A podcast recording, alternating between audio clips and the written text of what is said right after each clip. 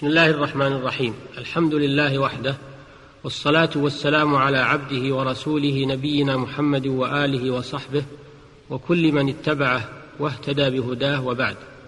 أيها الإخوة المستمعون السلام عليكم ورحمة الله وبركاته. نتحدث إليكم في هذه الحلقة كسابقاتها عن أحكام القضاء. وقد انتهينا إلى أحكام الدعاوى والبينات فليكن ذلك موضوع حديثنا الآن. فالدعاوى جمع دعوى وهي لغة الطلب. قال الله تعالى ولهم ما يدعون أي يطلبون ويتمنون.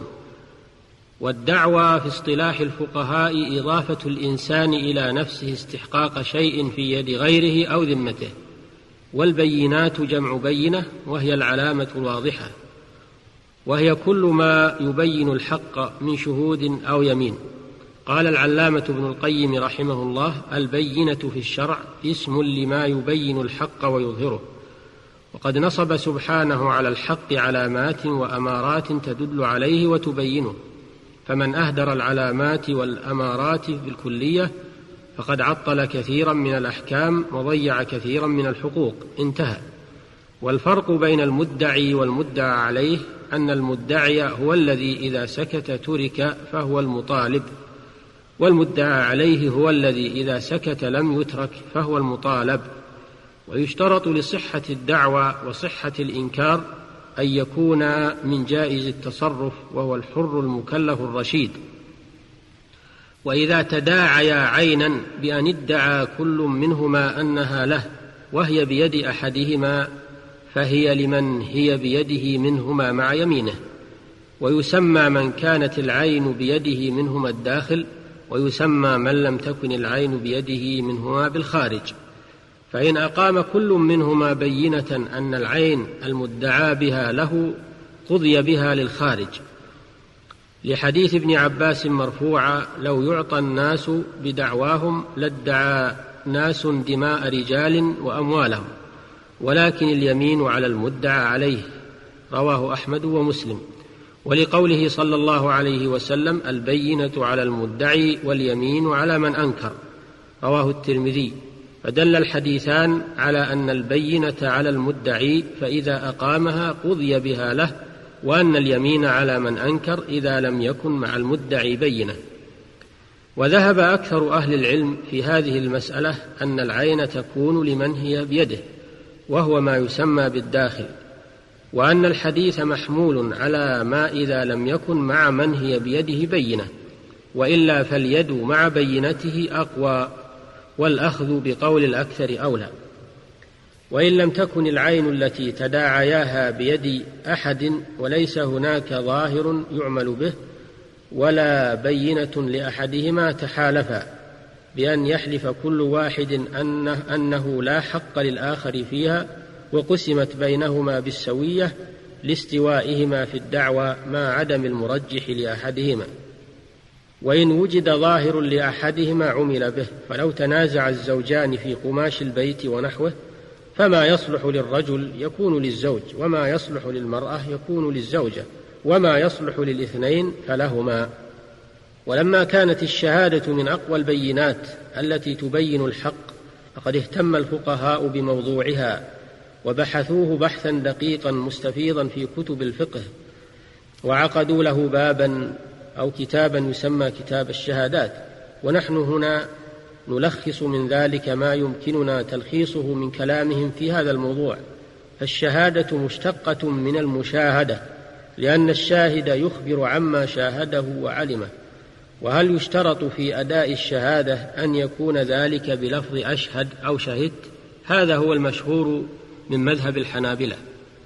والقول الثاني وهو رواية عن أحمد وقول جماعة من الأئمة أن ذلك لا يلزم واختاره الشيخ تقي الدين ابن تيمية وتلميذه ابن القيم وغيرهما. قال الشيخ ولا يشترط في أداء الشهادة لفظ أشهد وهو مقتضى قول أحمد وغيره ولا أعلم نصا يخالفه ولا يعرف عن صحابي ولا تابعي اشتراط لفظ الشهادة وقال ابن القيم الإخبار شهادة الإخبار شهادة محضة في أصح الأقوال وهو قول الجمهور فإنه لا يشترط في صحة الشهادة لفظ أشهد بل متى قال الشاهد رأيت كيت وكيت أو سمعت أو نحو ذلك كانت شهادة منه.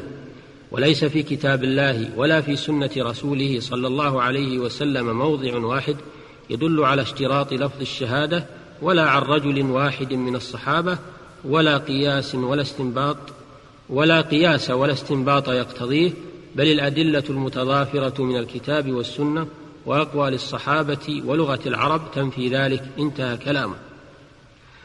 وتحمل الشهادة في غير حق الله تعالى فرض كفاية إذا قام به من يكفي سقط عن بقية المسلمين لحصول الغرض وإن لم يوجد إلا من يكفي تعين عليه. لقوله تعالى ولا يأبى الشهداء إذا ما دعوا أي إذا دعوا لتحمل الشهادة فعليهم فعليهم الإجابة. والآية عامة في الدعوة للتحمل والدعوة للأداء. وقال ابن عباس وغيره في معنى الآية المراد به التحمل للشهادة وإثباتها عند الحاكم ولأن الحاجة تدعو إلى ذلك لإثبات الحقوق والعقود فكان واجبا كالأمر بالمعروف والنهي عن المنكر. وأما أداء الشهادة فهو فرض عين على من تحملها متى دعي إليه لقوله تعالى ولا تكتموا الشهادة ومن يكتمها فإنه آثم قلبه ومعنى الآية الكريمة إذا دعيتم إلى إقامة الشهادة فلا تخفوها ولا تغلوها ومن يكتمها فإنه آثم قلبه أي فاجر قلبه وهذا وعيد شديد بمسخ القلب وإنما خصه لأنه موضع العلم بالشهادة فدلت الآية الكريمة على فرضية أداء الشهادة عينا على من تحمل متى دعي إليه. قال الإمام العلامة ابن القيم رحمه الله التحمل والأداء حق يأثم بتركه. وقال قياس المذهب أن الشاهد إذا كتم الشهادة بالحق ضمنه لأنه أمكنه تخليص حق صاحبه فلم يفعل فلزمه الضمان كما لو أمكنه تخليصه من هلكة فلم يفعل انتهى. ويعتبر لوجوب التحمل والأداء انتفاء الضرر عن الشاهد فإن كان يلحقه بذلك ضرر في نفسه أو عرضه أو ماله أو أهله لم يجب عليه. لقوله تعالى ولا يضار كاتب ولا شهيد ولحديث لا ضرر ولا ضرار والله أعلم. وإلى الحلقة القادمة بإذن الله. والسلام عليكم ورحمة الله وبركاته. والحمد لله رب العالمين. وصلى الله وسلم على نبينا محمد وآله وصحبه.